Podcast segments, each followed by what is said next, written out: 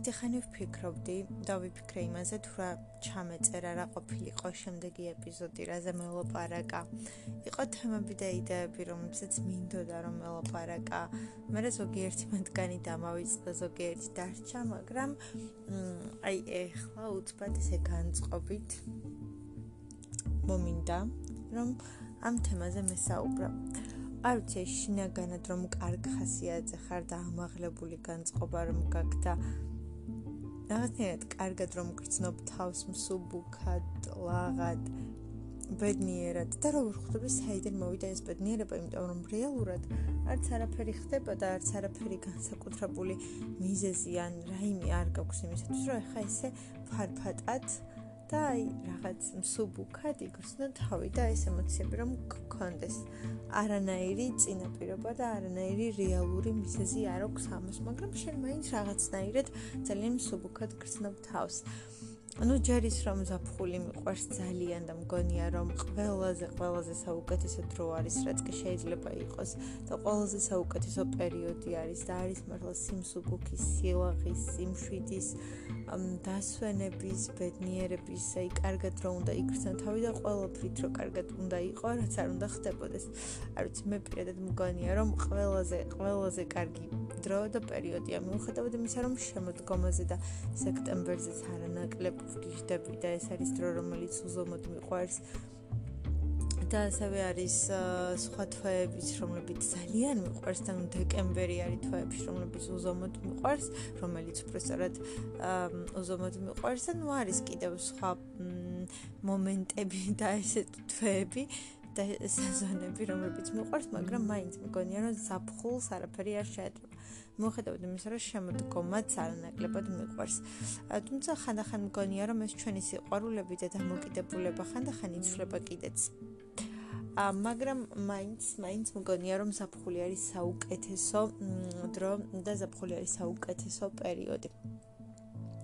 და ნუ ალბათ ამასაც მოაქვს ეს ამაღლებული და კარგი განწყობა, მაგრამ მაგრამ მგონია რომ აი მონატრება, როდესაც ადამიანი მართლა მთელი გულით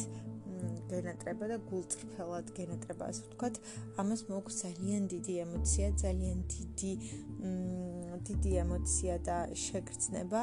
და ამას შეუძლია რომ რაღაცა სასწაული მოახდინოს ჩვენში. როდესაც ადამიანი გენატრება და როდესაც ადამიანი გენატრება მართლაც გულწრფელად, აი მთელი შენი ემოციით, ძალით და აა არ ვიცი, როდესაც ეს ადამიანი მთლიანად მთლიანად გაჟღენთილი ხარ ამ ადამიანის მონატრებით და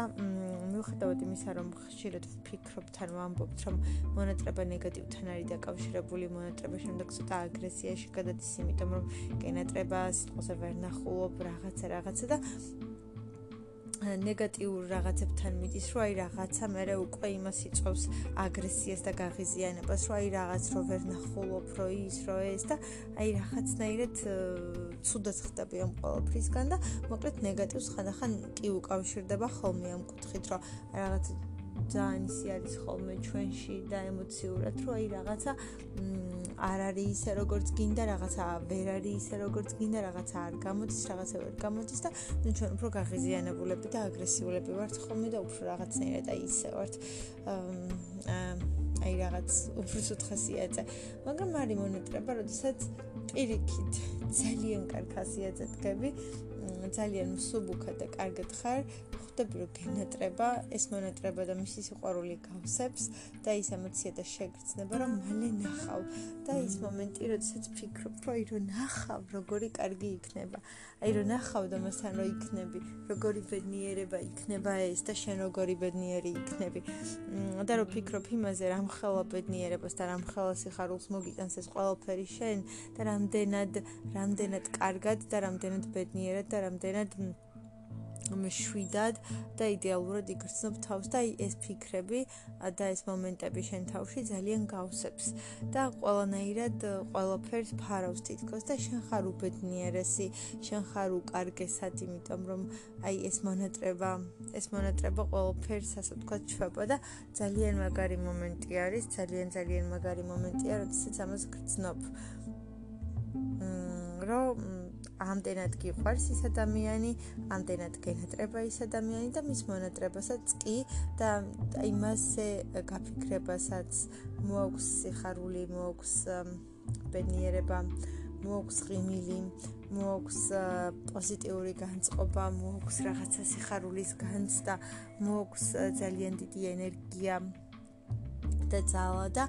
თავს გაგრძნობინებს მშვიდად, მსუბუქად და თავს გაგრძნობინებს ბედნიერად. იცი რომ ყავს, იცი რომ შენი ადამიანია, იცი რომ შენთან იქნება, იცი რომ მალე ნახავ, იცი რომ ჩაეხუტები და აი მასზე ფიქრი და მასზე აა ასე ვთქვათ, ნატურა ამ შემთხვევაში გაძლევს ძალას, ენერგიას და ბედნიერებას და სიხარულს და იმის განცდას, რომ რა მაგარია ეს ადამიანი, რომ ყავს და ეს ადამიანი რომ არის შენ ცხოვრებაში, იმიტომ რომ ხანდახან ამ ყველაფერს ვერ ვაფასებთ ხოლმე ზოგადად იმას, რომ აი რომელიმე ადამიანი ჩვენ ცხოვრებაში არის და ეს მიგვაჩნია, რომ ეს ასეც უნდა იყოს, მაგრამ რეალურად თუ დავფიქრდებით, ეს ასე არ უნდა იყოს. არანაირი მოცემულობები არ არის, რომლებიც ჩვენ ესე დამსახურებულად ან გარანტირებულად გვაქვს. თუ ვფიქრდებით, რის მიხედვით დავიმსახურეთ? და რეალურად თუ ვფიქრებთ, რომ ესე გარანტირებულად და აბსოლუტური დამსახურებით ჩვენ არც არაფერი არ დაგვიმსახურებია და არც არაფერი არ არის ისეთი, რასაც ესე ზუსტად ვიტყვით, რომ ჩვენ ნამდვილად ვიმსახურებთ ამას. საიდან, როგორ, რატომ რა დამსახურებით კონკრეტულად და რა გავაკეთეთ რომ ეს დაგვიმსახურებინა ან მოგვეპოვებინა აქცენ გამომდინარე რეალურად ბუნებრივად შეიძლება რომ ძალიან ბევრი რამ არ გქონდეს ის რაც გვაქვს და იმაზე თუ დავფიქრდებით რამდენად ბედნიერები ვართ რომ ეს ყველაფერი გვაქვს ის რაც გვყვარს და ის რაც ზურფასი არის რა თქმა უნდა ჩვენთვის თორე მოპოვებით ყოველთვის შეიძლება რომ გინდოდეს უფრო მეტი გსურდეს უფრო მეტი და მიდიოდე ამ უფრო მეტისაკენ მაგრამ რეალურად ის რაც გაქვს შეიძლება რომ არც გქონდეს და რომ გაქვს უკვე ძალიან დიდი ბედნიერებაა და მოკლედ იმაზე მინდოდა რომ მე საუბრა. და უბრალოდ მეთქვა ის რამდენად დიდი ბედნიერება არის თუნდაც გრძნობდე და განიცდიდი ამ ყოველფერს რომ გიყვარს რომ გენატრება რომ გჭირდება რომ გინდა რომ შენთან იყოს რომ გინდა რომ შენ გვერდით იყოს რომ გინდა რომ ნახო რომ გინდა რომ ერთად გაატაროთ დრო რომ გინდა რომ ძალიან ძალიან ჩაეხუტო და სულ შენ გვერდით იყოს და არ მოსცილდე და არ მოგცილდეს, რამდენი დიდი ბედნიერება მთელი ეს ემოციები და მთელი ამ ემოციების განცდა და ამ ემოციების მოზღვავება შენში და ამ ყველაფრის რეალურად განცდა. რამდენად დიდი, დიდი, დიდი ბედნიერებაა და რამდენად საოცარი არის ეს ყველაფერი, როცა ამას გრძნობ, როცა ამას განიცდი და როცა მთელი ეს ემოციები შენშია და როცა სავსე ხარ ყველა ამ ემოციით. და ეს არის მართლაც ძალიან ძალიან დიდი დიდი ბედნიერება, ძალიან დიდი სიხარული და ზოგადად იმის განცდა, რომ გიყვარს ვინმე, ყავს ვინმე და ეს ადამიანი რეალურად მართლაც არის შენი, გრძნობ ამ ადამიანს და გიხარია, აფასებ და ძალიან ბედნიერი ხარ იმით, რომ ეს ადამიანი შენ ცხოვრებაში არის, არსებობს, რომ შენ ეს ადამიანი ყავს და რომ რაღაცნაირად დაიმსახურე, რომ ყავდეს და იყოს შენ გვერდით. ეს არის ძალიან დიდი ბედნიერება. და კიდე მგონია, რომ ძალიან ბევრი ბედნიერებები არსებობს დღის მანძილზე ჩვენ ცხოვრებაში. გარეთ გასვლა, ბუნებაში ყოფნა, სეირნობა, თუნდაც ძალიან სიცხეში და ანუ ყოველთვის არის რაღაც ადგილები, სადაც არის ჭრტილი და სადაც შეგიძლია რომ იყო ან დადგე ან გაიარო. არ ვიცი, მგონია რომ ძალიან დიდი ბედნიერებაა, იმიტომ რომ თუ თუ დავფიქრდებით, ათასობით ადამიანი სამსახურში არის მთელი დღის მანძილზე გამოკეტილი და მზე სიმშვიდეს აი ამ ბედნიერებას, რაც მოაქვს გარეთ ყოფნას, რაც შეიძლება რომ ბუნება მოიტანოს აკლიათ და მთელი ერთი კვირის მანძილზე აკლიათ და ელოდებიან შაბათ კვირას რაღაცა ორ დღეს. ისიც შეიძლება არასრულად რომ რაღაცნაირად აი ეს დანაკლისი აივსონ და ისინი იცულებულები არიან რომ რაღაცა დილის რაღაცა საათიდან საღამოს რაღაცა საათამდე და ის პერიოდი როცა მართლა მზიარი როცა აი რაღაცნაირი მომენტი არის გარეთ ყოფნა რომ მოგწონს და ქსიამოვნებს და მთელი აი ეს თითქოს შრიამული და სიხალისე როცა არის შენ ამას აკლდები და ამას ვერაფრით ვერ შეცვლი იმიტომ რომ შენ უკვე გამოაკლდი შენ უკვე გამოტოვე და რაღაცნაირად თითქოს ყოველთვის და მუდმივად ტოვებ მაგრამ არიან ადამიანები რომლებსაც შეუძლიათ ამის განცდა. და მგონია რომ აი ეს ბუნებაში გასვლა ბუნებაში ყოფნა ბუნებასთან ახლო ახლოს ყოფნა და ამის განცდა არის კიდე ერთ-ერთი დიდი ბედნიერება და კიდე ის რომ იყო და გაატარო მთელი ეს რა შენს საყვარელ და ყველაზე ჯერფას ადამიანთან ან ადამიანებთან ერთად. ეს არის უდიდესი ბედნიერება და აი ეს პატარა წრომანებს პატარ-პატარა მოცემულობებს თუ უფრო მეტად დავაფასებთ თუ უფრო მეტად ვიქნებით მადლიერები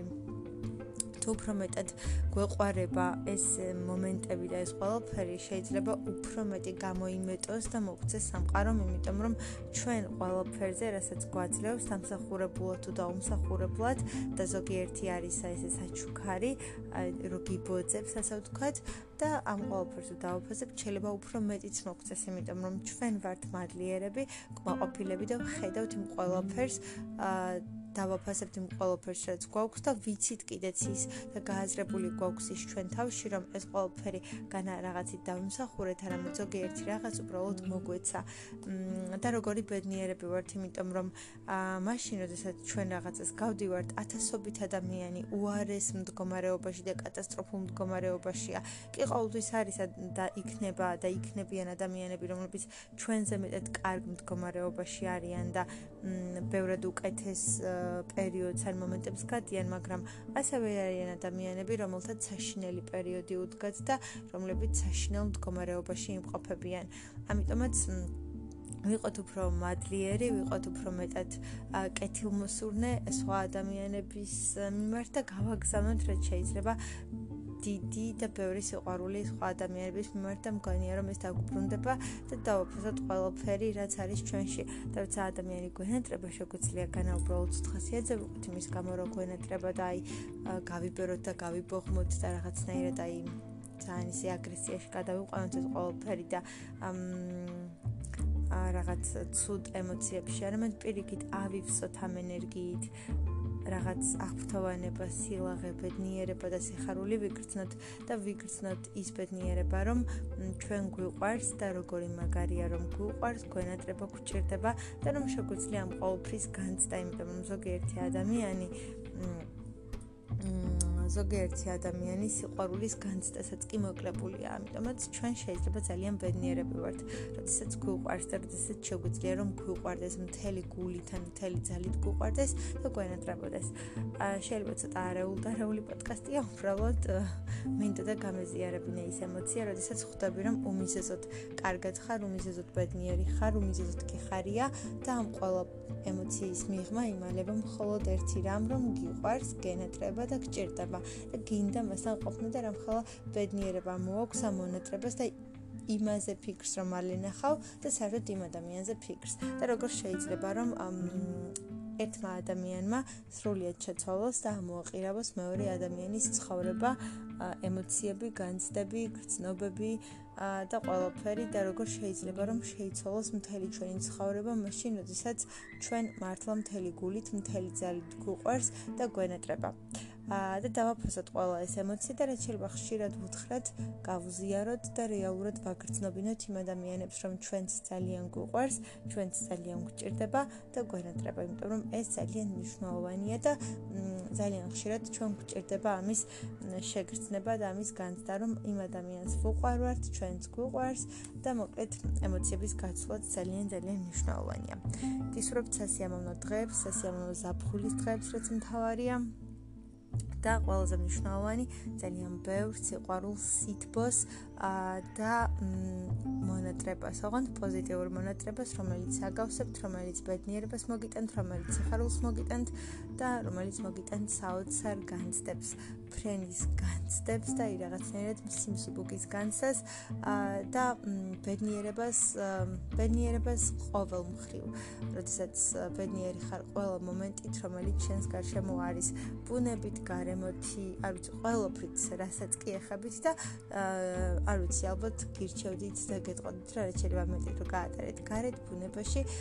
და რა შეიძლება მეტად ახლოს ბუნებასთან, იმიტომ რომ ძალიან დიდი ენერგია, სიმშვიდე და სიმსუბუქე მოაქვს და გისურვებთ რომ გეპოვოთ ყველაფერი ის, რაც მთელი გულით გინდათ მიყვარხართ. აა და ხო, კიდე ერთი გავცეთ რა შეიძლება მეტი სიყვარული, სიტყვა, პოზიტივი, ოპტიმიზმი და კარგი ემოციები და განწყობები.